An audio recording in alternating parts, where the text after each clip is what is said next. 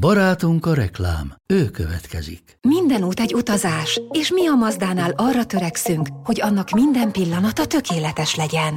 Mazda CX-5 utolsó széria, 194 lóerős, két és fél literes mild hibrid benzinmotorral, akár milliós kedvezménnyel, vagy kedvező finanszírozási feltételekkel elérhető. A finanszírozást az Euroleasing nyújtja, THM 4-től 4,9%-ig. A tájékoztatás nem teljes körű, a részletekről érdeklődjön márka kereskedéseinkben. Mazda, Crafted in Japan. Ez reklám volt. Szerettük. Beaton Studio Az igazán sikeres emberek letérnek a kitaposott ösvényről, saját utat választanak, és ha el is buknak néha, még nagyobb lendülettel kezdik újra. Ők azok, akik átírják a játékszabályokat, új utat keresnek, és elérik, amit szeretnének. Ez a Felforgatók, a Bátrak podcastje Kadarkai Endrével.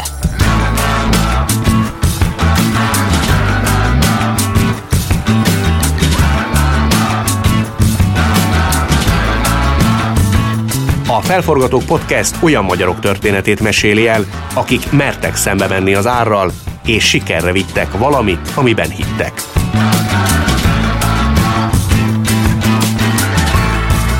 A nagy éttermében kezdett, már a egész gasztrobirodalmat sikerült felépítenie. Igazi krízis veterán, akinek nem szokása megragadni a mélypontokon. Családi vállalkozások becsődülése után egy balatoni ejtőzésen találták ki az öccsével, hogy végre megadják a magyaroknak, amire régóta vágynak.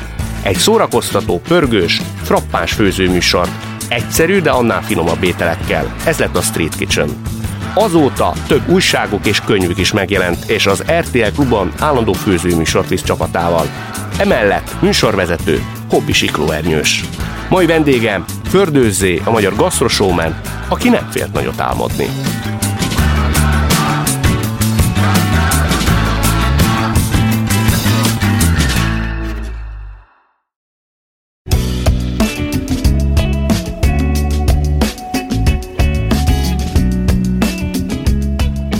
Szerinted a gasztro szakemberek között te vagy a legjobb tévés, vagy a tévések közt te vagy a legjobb gasztroszakember? hát ez, ez, ez, nagyon kedves kérdés, de egyiket sem mondanám. Tehát a legek közé sehol sem sorolnám magam. Tehát, de ott úgy középvonalban elúszkálok mind a két placon. De elsősorban minek tartod magad? Én elsősorban egyébként vállalkozónak tartom magam, aki kitalált egy jó működő szisztémát, amit próbálok működtetni, aminek köze van a gasztrómiához, köze van a médiához, ezért jogos mind a két kérdés, mert mind a két területre beraktam az egyik lábamat, és tulajdonképpen én szerintem abban vagyok jó, ha valamiben jó vagyok, hogy jól meg találtam az összhangot, és egy jó terméket találtam ki itt ezen a piacon. Elsősorban vállalkozónak tartod magad, ebből következően tulajdonképpen itt csak a termék volt a kérdés? Tehát bármihez nyúltál volna szerinted, a szisztéma kitalálásában, hogy elsősorban jó? Hát ez is egy, egy nagyon érdekes és összetett dolog, ugyanis én világéletemben vállalkozó voltam, és általában jellemző volt rám az, hogy nagy lendülettel és nagyon nagy lelkesedéssel csináltam dolgokat, amik valamilyen szinten működtek, de soha nem lettem sikeres a vállalkozásaimban. Szerinted ez mi múlott? Egyszerűen nem voltam rá még érett. Nekem 30 hat éves koromig, bár nagyon sok vállalkozásba belevágtam, valami hiányzott ahhoz, hogy minden elemét ennek a dolognak jól csináljak. Hány vállalkozásba vágtál bele 36 éves koromig? Hát nagyon sok mind. Alapvetően ugye gasztronómia területén tevékenykedtem, tehát én az édesapámmal dolgoztam cateringes bizniszben, de egyébként én hoztam be Brazíliából függőágyakat, meg az Amazonas deltából különböző kerámiákat, meg ékszereket, tehát volt az egyik ilyen bevásárlóközpontban még egy ilyen boltom is, ahol ezt meg lehetett venni, de hoztam be pürésített fagyasztott gyümölcsöt is egyébként, szintén Dél-Amerikából, ilyen hamburgi kikötőn keresztül, úgyhogy voltak azért próbálkozásaim, és nem az volt, hogy itt mindig rögtön beleálltam a földbe, például azért a cateringes üzletágban, én az édesapámmal azért tizen éven keresztül tevékenykedtem egészen sikeresen, tehát egy tök jó nagy céget tudtunk felépíteni,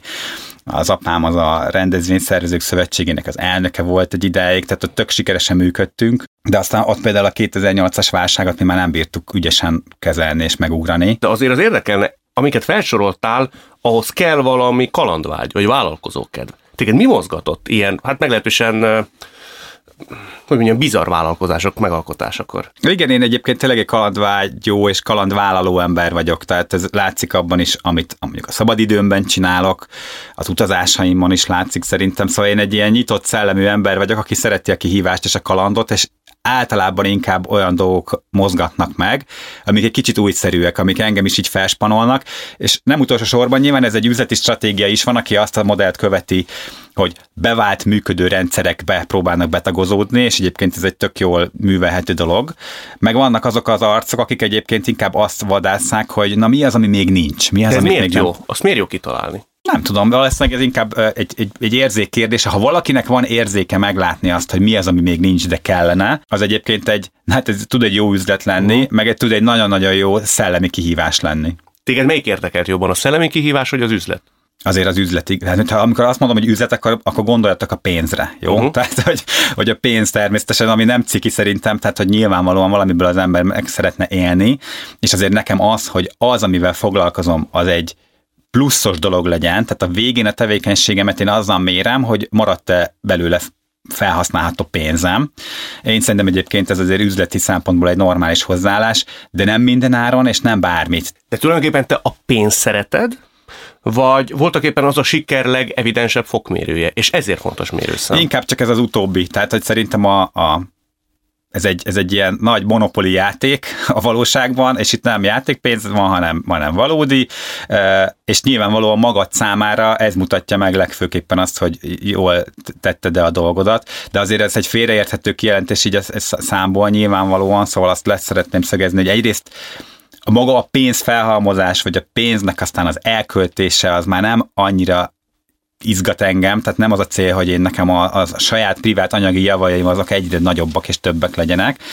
És, és ez a másik, amit mondtam, azért ezt szeretném tényleg hangsúlyozni, hogy, hogy nem másoknak az eltiprásával és nem minden áron megszerezni, de szerintem az, hogyha valaki tud egy vállalkozást létrehozni, ami pénzt termel, ezáltal lesznek ott munkahelyek, ezáltal lesz befizetve adó, ezáltal egy kicsit fejlődik az a környezet, tehát hogy ilyen értelemben szerintem ez egy tök, tök jó dolog.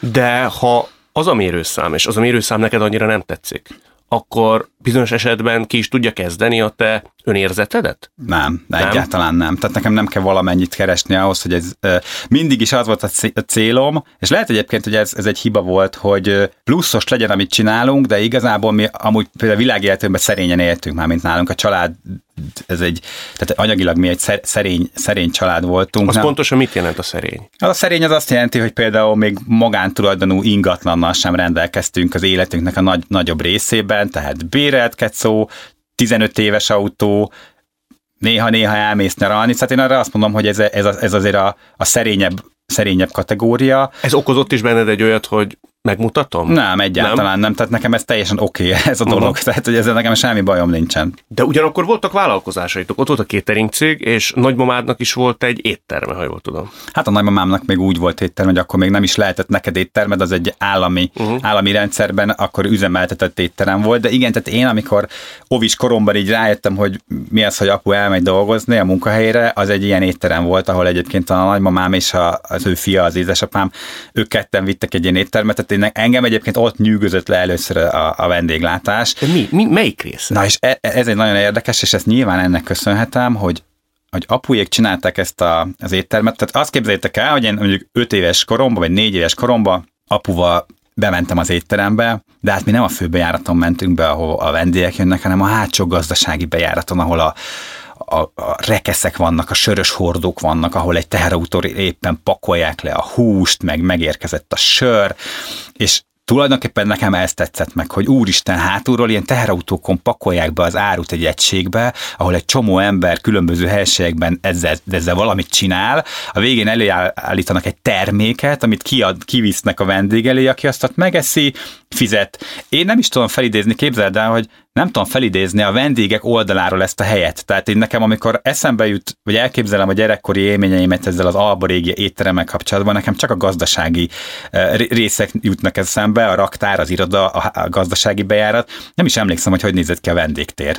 Tök érdekes. De téged ennek a szervezeti megjelenítése pontosan, érdekelt? Igen? Pontosan, tehát így van, tehát nekem azt tetszett, hogy ez egy olyan olyan szisztéma, ahol sok embernek együttműködve a végén egy produktumot elő kell állítani, szervezett keretek között, terv alapján, gazdálkodva, gazdálkodva, tehát hogy egy üzletileg ennek meg kell felelni egy csomó szabálynak, és engem, nekem ezt tetszett mindig is. Ezért nem lettem szakács egyébként, ezért nem volt soha az életemben fakanál a kezembe, mármint uh, munkaköri leírás szintjén, tehát hogy nem, nem dolgoztam konyhán. Tehát tulajdonképpen 5 éves korodban nagyjából egész évet tudtad, hogy mit fogsz csinálni? Na, nyilván nem tudtam én igazából 5 éves koromban, csak azt láttam, hogy ez egy nagyon frankó dolog, tehát ez uh. nekem nagyon tetszik, és nyilván valahol az, hogy ez a rész, tehát hogyha egy visszaemlékszem, hogy jön valamilyen áru valahonnan. Én azzal valamit mókolok, uh-huh. és ezt egy kicsit más formában tovább tudom passzolni, és ezen valamennyi pénzt lehet keresni, mert meg lehet belőle élni, inkább mondjuk így, az nekem megtetszett, és valójában, őszinte vagyok, akkor minden mai napig ez tetszik a legjobban, ha ezt tudom csinálni.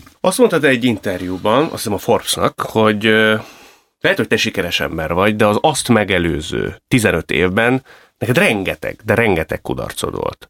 Te ilyen értelemben a mostani perspektívából majdnem, hogy erőteljesebben tudsz emlékezni a kudarcos időszakra, mint sem a sikeresre? Tehát ez ennyire megmarad benne? Igen. Ez a kudarcos? Igen. Tehát ez, ez, ez szerintem egyértelmű, és emiatt nyilván a, hogy mondjam, így, így, így vissza is veszek az arcomból, tehát látom magamat visszatekintve az elmúlt húsz évben, és ezért azt gondolom, hogy sokkal kevésbé tartom menő dolognak azt, ami velünk, vagy velem történik most, mint amennyire feltételezik rólam, hogy én mondjuk el vagyok ettől száva, és azért szoktam mindig elmesélni a múltbeli sztoriaimat, amikor nem ment, amikor tönkrementem, hogy ne alakuljon ki az emberekben az a fals kép. Egyébként közszereplőként e, e, ez szerintem valamilyen szinten még kötelesség is lenne, hogy őszinték legyünk az emberek felé, hogy valójában milyenek vagyunk.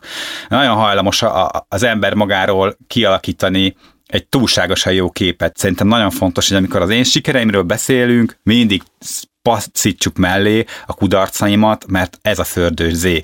A néha sikeres, meg néha kudarcba fulladó vállalkozó, akinek nem is tudom, majd egyszer, hát nyilván majd mikor a halálos ágyamon lehet egy szaldót vonni, és megnézni, hogy na akkor összességében sikeres voltam-e. Ez még remélem azért odébb van. De ha most kéne egy ilyen egyenleget vonni? Ha most kéne valami egyenleget vonni, akkor inkább azt mondanám, hogy sikeres vagyok, tehát hogyha az egész húsz évemet nézem, és tényleg nem is választom külön, hanem ezt kérdezem, az elmúlt 20 év összes munkája, kísérlete alapján mit mondanék, akkor azt mondanám, hogy, hogy igen, ez egy sikeres 20 év volt. De beszéljünk a kudarcokról első körben. Jó. Melyik volt a számodra legemlékezetesebb mélypont? Tehát amikor, volt olyan pillanat, amikor nem láttad, hogy merre van az előre?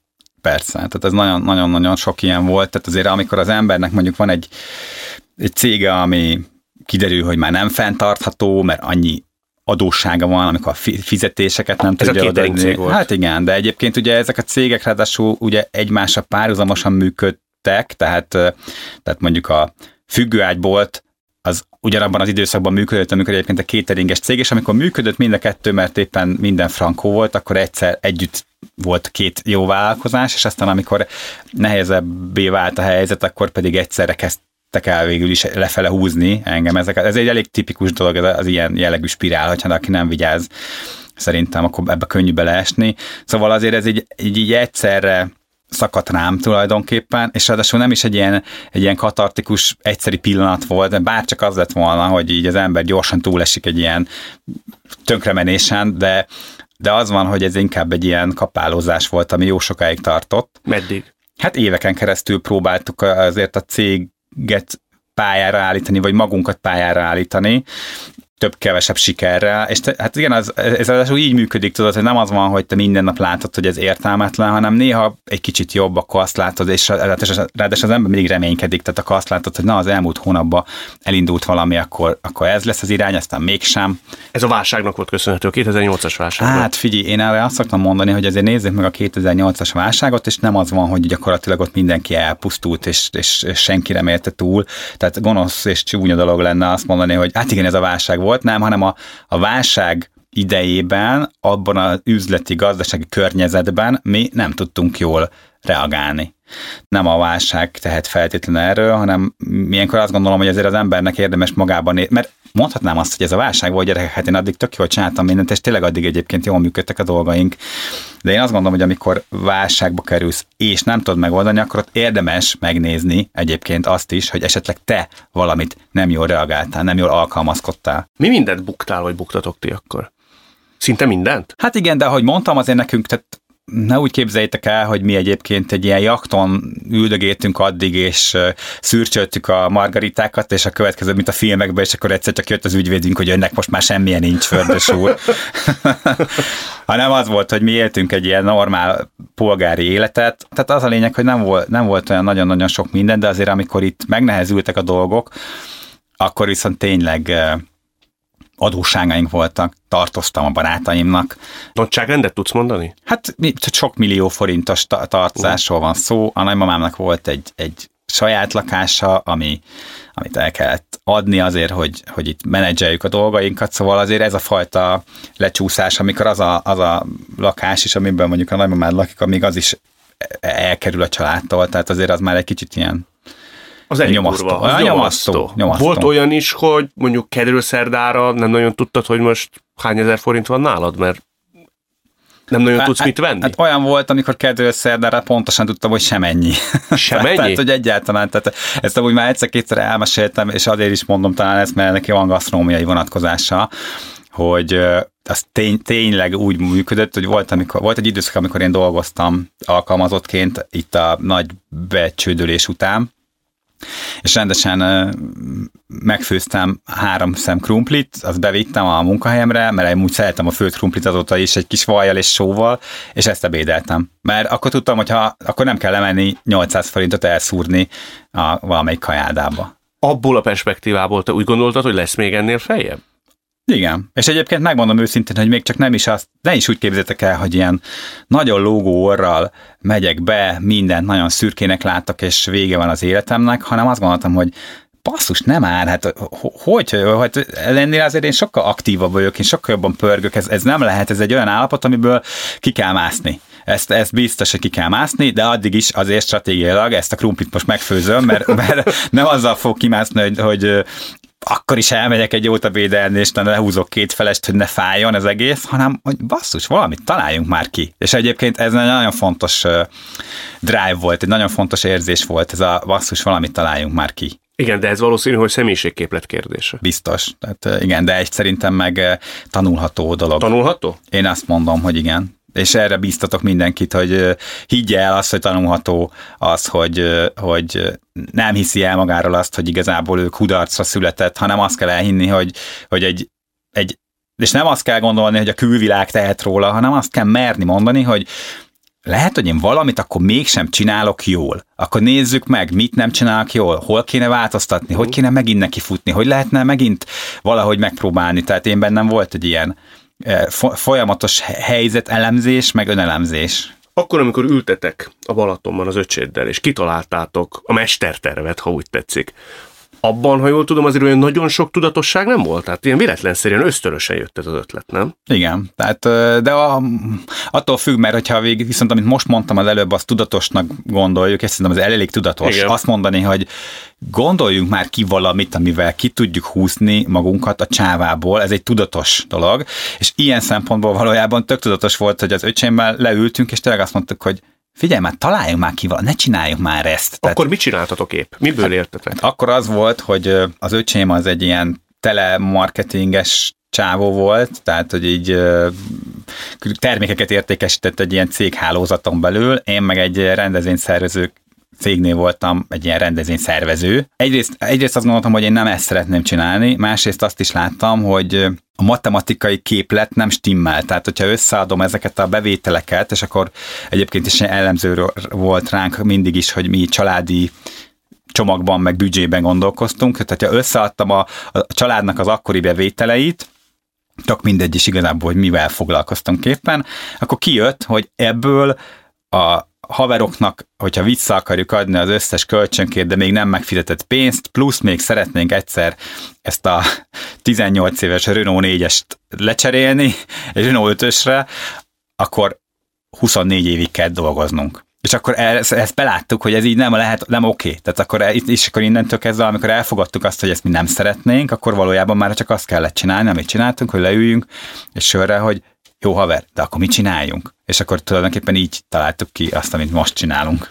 Ami úgy abból állt, hogy édesanyám sokszor mondogatta, látva a képernyőn tevékenykedő emberekről, hogy hát a Z sokkal helyesebb annál, mint akiket ott látok, igen, ott igen. a képernyőn. Ti jobb hiány elkezdtetek ezen gondolkodni, hogy tudnátok ti gasztro videókat készíteni, az öcsédnek volt némi affinitása a videókészítéshez, te meg úgy gondoltad, hogy van benned kellő exhibicionizmus, exhibicionizmus értesz mindenhez.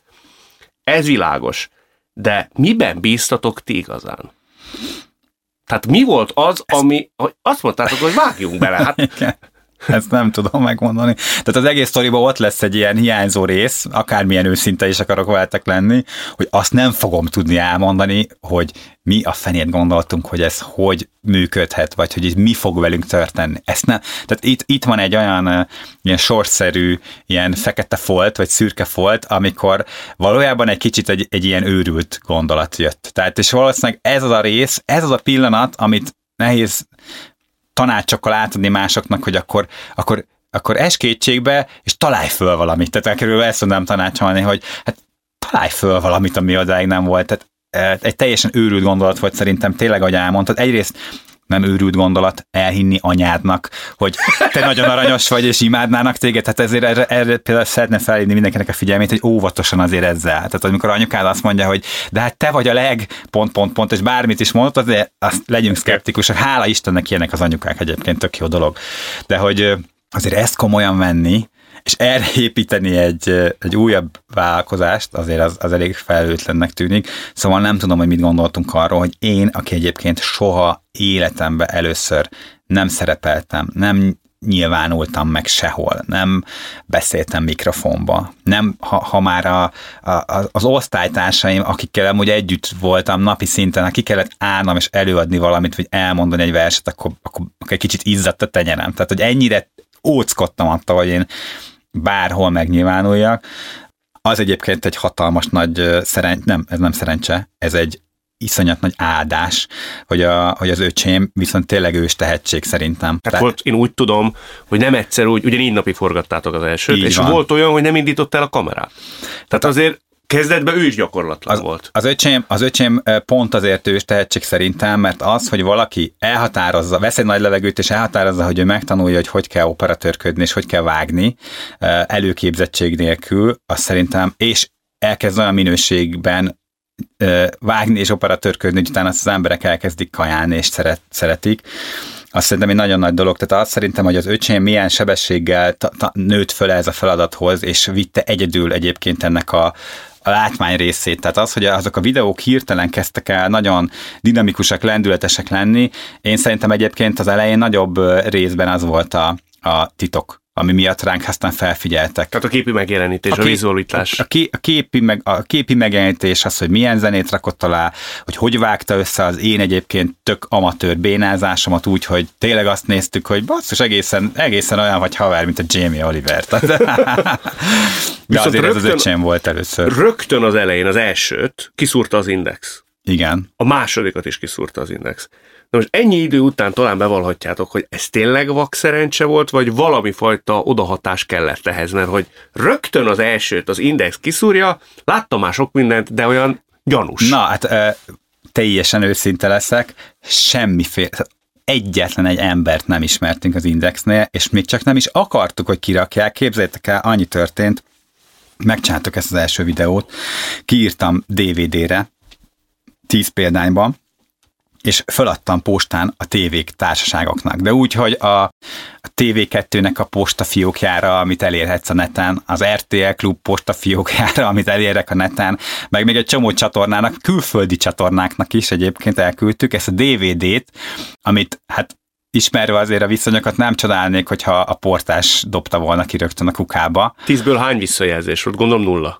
Nem, képzeld el, hogy, hogy visszajött egy, egy visszajelzés, a, a TV Paprikától, hogy tök ügyesek vagyunk, gratulálnak, de tényleg egyébként tényleg, tényleg megdicsértek, és egyébként az öcsémnek a munkáját is, meg azt is, ahogy én szerepelek, és mondták, hogy viszont most jelen pillanatban nem keresnek arcot, és köszönjük szépen. De tök korrektül egyébként, tehát ez volt az egyetlen ilyen. És, és kínunkba azért, hogy még több helyre el tudjuk küldeni, de ne kelljen ennyi DVD-t, mert amúgy mindegy DVD 150 forint volt, és már fogytán volt a lóvénk, és azért ne kelljen még egy ilyen tízes csomagot megvenni, ezért inkább kitaláltuk, hogy töltsük fel az internetre, természetesen ma, és egyébként ez a zárójelben megjegyzem, gondoljatok már bele, hogy ez 7 éve volt, vagy 8 évvel ezelőtt opció volt DVD-re írni valamit, és rájönni aztán, hogy inkább föltöltöm, hát kinek jutna az eszébe DVD, tehát brutál. Tehát csak az árjál bezárva, hogy hogy fejlődik a, ez az egész. De nyolc éve ez még egy okés dolognak tűnt, és úgy voltunk vele, hogy valahol föl kéne tölteni, és a, a, a, a blog.hu az indexes felület, az azért tetszett nekünk, mert úgy voltunk vele, hogy abba be lehet, ott föl lehet tölteni a, a videót, az erre az Inda videós felületre, és ha blogot csinálunk, akkor amúgy a blog bejegyzésbe belinkeljük a videót, és alá pedig be tudjuk írni szövegesen a kontaktunkat, hogy ezen a számon, meg ezen a, az e-mail címen érjen el minket valaki. Ezért töltöttük oda föl, hogy, és akkor ezt a blog linket tudjuk majd a infokukac valamilyen tv.hu oldalra küldözgetni. És mi nem gondoltunk arra, hogy ezeket a blogokat amúgy ott szerkesztők így reggelente megnézik. Tehát van olyan arc ott az Indexnél, vagy akkor legalábbis mindenképpen volt, aki azt mondta, hogy na nézzük meg, hogy tegnap milyen blogbejegyzések érkeztek, hát ha van valami, ami jó pofa és tetszik a népnek. És meglátták, hogy nézd, nézd már ezt a videó, ez főzős videó, mi ez? Úristen, az a csávó elég béna, na mindegy, rakjuk ki. A másodikat is kitették, és ti azt hiszem 340 vagy 246 Facebook követővel beslattyogtatok egy nagy céghez, hogy ti szeretnétek támogatást kapni. Ehhez azért kell valami, hát nem is tudom milyen jó szó, kurázsi vagy vagabondság. E, igen, bár ott egyébként már az volt, hogy én tényleg hittem abban, hogy ezek szerint ez működhet. Tehát amikor kettő a, után. A, a kettő, mert, mert láttam, hogy nem, tehát láttam azt, hogy, hogy ennek így van értelme, összeállt a kép. Rájöttem arra, hogy én tévéket hajkurászok, hogy hát ha én is kapok egy, egy, egy főzős műsort, amit majd nekem ott egy televízió, egy stábbal legyárt, és aztán ilyen, ilyen azzal, hogy megláttam, hogy az interneten tulajdonképpen van olyan, hogy működik az, hogy szeretik az emberek és nézik, nekem beugrott ez. Az kellett még hozzá, hogy az Index nagyon gyorsan ránk írt, a második videó után pontosan, vagy a harmadik után, nem tudom, hogy nagyon szemfülesek voltak, hogy menjünk be és beszéljünk el ezekről a videókról. És akkor bementünk, és elmondták, hogy tök vagány ez az egész, nagyon frankó, és hogy gyártsunk még ilyen videókat, mert ők ezeket nagyon szívesen kiraknák. Egy dolog van, hogy ezért pénzt nem fogunk tőlük kapni. De ha tudunk gyártani ilyen videót, akkor azt tudják ígérni, hogy ez a címlapra kikerül, mert látszik, hogy tetszik az embereknek. És ennek ígérvényével mentetek tél az elektronikus. Igen, mert ugye elsőre nem egy túl jó deal, nem? Ez a figyi haver, kellene tőled videó, de nem adunk érte pénzt. Én viszont úgy jöttem ki, hogy ez az, ez már valami, mert hogy ezzel rögtön berohantam ezzel az ígérvényel, ahogy mondod, ez a céghez. Ismertél ott bárkit? Igen. Uh-huh. Azért ismertem, de nem úgy ismertem, hogy én voltam a valakinek a valakie, hanem én amikor ennél a rendezvényszervező cégnél dolgoztam, akkor én ott, mint egy kollega találkoztam ezzel a, ezzel a céggel, illetve annak a képviselőjével. Ez úgy néz ki, hogy te felhívtad az embert, és azt mondod, hogy van egy zseniális ötlet, hallgassatok meg. Pontosan ez történt, uh-huh. igen. Berohantam, és elmondtam, elmondtam ezt, és, és hát ott, ott ez egy nagyon fontos dolog volt, hogy tehát az Electroluxról van szó, és hogy amikor besétáltunk az Electroluxhoz, akkor ott az megint egy nagyon nagy mázli volt, hogy ennek a cégnek küldtek a központból egy e-mailt, hogy feladat lenne a következő hónapokban egy kicsit az internetes megjelenését a márkának erősíteni. Hm. Feladat, keressünk olyan arcokat, akik a neten pörögnek, és valami együttműködést lehetne csinálni, és ezt írd és mondd, ezt elmesélte nekem ott az a hölgy, akivel amúgy a mai napig nagyon jó emberi meg üzleti kapcsolatban vagyunk, hogy szó szerint előtte egy héttel kapta ezt az e-mailt, és még mondta is, hogy kösz szépen, és ki, kit keressek én Magyarországon, aki az interneten nyomul gasztronómiába, és lehetne vele együttműködni. Majd egy hét múlva értem egy időpontot, és elmondtam, hogy én az interneten fogok gasztronómiával foglalkozni, és együtt lehetne velem működni. És azt mondták, hogy figyelj, egy egyéves deal az így jó lesz, és akkor így mondtam, hogy Kevés hát, lesz az. Igen. Amúgy már nyolc éve együtt működünk, de ez azt hiszem a nyolcadik évünk, mert azóta is nagyon-nagyon jó a viszonyunk, de hogy ez így indult el. Te ilyet utólag a szerencse számlájára írsz, vagy te hiszel abban, ez engem mindig monomániásan érdekel, hogy egy ilyesfajta karrierút az tulajdonképpen eleve elrendelt. Ahhoz mindenképpen szerencse kellett, hogy a világ pont abba az irányba alakuljon, amiben mi elkezdtünk kitevékenykedni. Kb. olyan, mint hogyha gondolnál egyet, és azt mondanád, hogy itt ez a WC deszka, nem tudom még mit fogok vele csinálni, de beúszok az óceánba, és egyszer csak azt látnád, hogy jön egy hullám, kezedben van a deszka, fölállsz rá, és észrevesz, hogy egy WC deszkán lovagolsz. és körülbelül ennyire volt tudatos ez a dolog, és hát azért ehhez nyilván kellett szerencse, de ugyanakkor az is kellett, hogy valaki egy akkora hülyeséget kitalálni, hogy WC deszkával beúszik az óceánba, nem? Tehát nagyjából most lehet, hogy erőltetett a hasonlat, de, Abszolút érted, de, de, de én, így, én így jellemezném az én szerencsémet. Készültünk arra, hogyha nekünk bárhol szerencsénk lesz, akkor mi ezzel élni fogunk. Tehát valójában, és ez szerintem egy nagyon fontos attitűd, ha valamiket alá lehet húzni abba, amit mondok, nem azért annyira okos, hanem hogy amit én nagyon fontosnak tartok, akkor ez is egy ilyen, hogy a szerencsére készülni kell, mert a szerencse az valójában azt nevezük szerencsének, amikor adódik egy lehetőség, és te azzal élsz. Ennyi, ez a szerencse. Ha ez az egész konstrukció nélküled is haszonnal és sikerrel kecsegtetett volna, de te nem vagy országosan ismert ember pár hónap múlva, vagy pár év múlva. Te akkor is ugyanilyen elánnal és szenvedélyel vágtál volna bele? Egészen biztosan. Ez nem hiszem, hogy megtörténhetett volna, tehát egyszerűen látva, visszatekintve ennek az egésznek a dinamikáját, az emberek figyelmét ahhoz, hogy én fölkeltsem annyira, hogy így ismert és elismert legyen, amit csinálok, ahhoz kellett az arcom és a nevem, amit ott akkor létrehozott a média, létrehozott a tévé.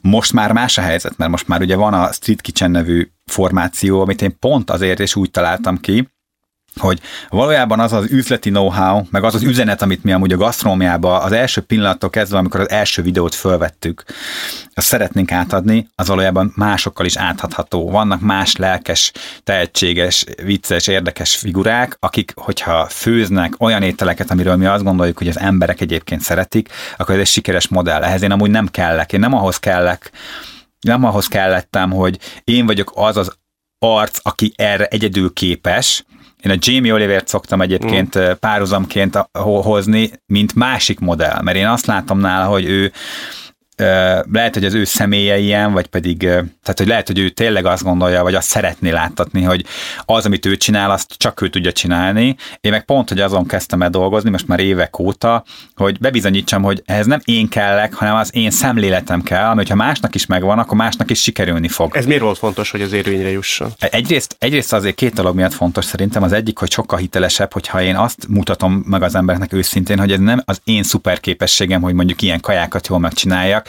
kvázi te is meg tudod csinálni. A másik pedig az üzleti aspektus. Én most 44 éves leszek ma nyáron, és egyébként van kedvem még a médiába pörögni, de azért egyszer csak eljön az a pillanat, amikor már nem szeretnék minden nap interjút adni, nem szeretnék mindig bemenni a tévébe, vagy nem szeretnék mindig a saját stúdiómba bemenni. Ha a Jamie Oliver egyszer azt dönti, hogy ő most már ezt nem akarja csinálni, akkor kb. ő maximum eltűnhet, meg lehúzhatja a rolót. Én azt gondolom, hogyha én fölépítek egy olyan márkát, amelyik hitelesen képviseli ugyanazt, amit egyébként én a saját nevemben képviselek, meg képviselnék, akkor az én döntésem lesz, hogy én ebben a márkában egyébként mennyit szer szereplek, hány, mennyire adom a saját arcomat hozzá. Nem fog hiányozni, ha ez eltűnik? Mármint ki, nekem, vagy neked, az embereknek? Neked, neked. Mert nyilván, figyelj, az a, ez a legegyszerűbb, hiszen addig, amíg az ember akár becsvágyból, hiúságból, akár azért, mert üzletileg úgy gondolja, hogy szükség van még rá, ezt egy potméterre tudja szabályozni. Ez például egy tök jó példa. Van a magazinunk, évente kétszer jelenik meg. Én, én az egyik tulajdonos vagyok ebben a, ebben a, ebben a cégben, a családi cégünkben, nyilvánvalóan eldönthetem, vagy eldönthetjük, hogy a címlapra az én fejemet rakjuk ki, vagy egy nagy szaftos hamburgert. Ha én úgy gondolom, hogy az arcomat még futtatni kell, és én szeretnék ott lenni, akkor felrakom rá az arcomat, de ha meg azt gondolom, hogy pont, hogy az a lényeg, hogy ezt az újságot vegyék meg egy jó hamburger miatt, akkor meg a hamburgert rakom oda. És azzal számolsz-e, hogy egyszer fordulhat a szerencséd? Tehát, hogy elmúlhat a te divatod? Tehát nem ezt tudom. Hát a világ szép is lenne, ha a világ úgy működne, hogy aki egyszer csak szerencsés, meg sikeres lett, azt utána ilyen márványba öntjük. Persze van ez, tehát szobor formájában az utókor megemlékez, megemlékezhet róla, de természetesen, ha már egyébként a WC deszkás hullám metaforát itt hoztam, akkor ugye a sztorit folytassuk. A Pali beúszott a WC deszkával, azt se tudja mi van, jön a hullám, fölkapja állatetején, és egy WC deszkán rohan, de hát mi, mi fog történni? A végén így bugyborékolva elsőd egy WC deszkával a lába alatt. Tehát ezt, erre számítok. Az már egy más kérdés egyébként, hogy, hogy azért mondjuk egy márkát, mint amit mi is építünk, egy, egy oldalt, azért azt viszont fönn lehet tartani akár most az örökkévalóságot nem, nem mondjuk, tehát ilyen nagy szavakkal ne játszunk, de azért a média világában az, hogy egy márkanév, akár egy tévécsatorna, akár egy, egy portál létrejön, és akár 20, 30, 40, 100 évig működik, az elképzelhető, és ilyet egyébként én is el tudok képzelni magunkról.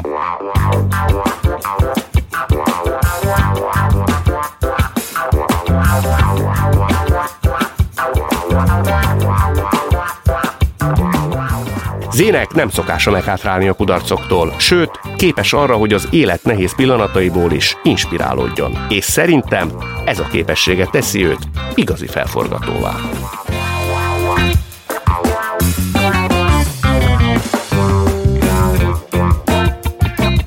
Ha tetszett a felforgatók, iratkozz fel a műsorra, értékelj minket öt csillaggal, és mesélj rólunk másoknak is.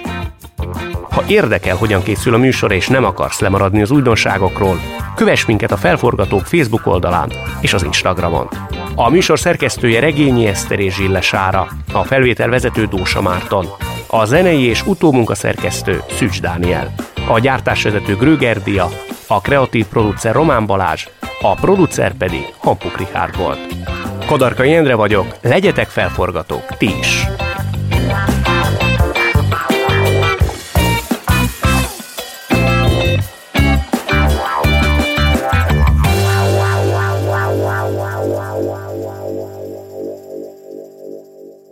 Beaton Studio.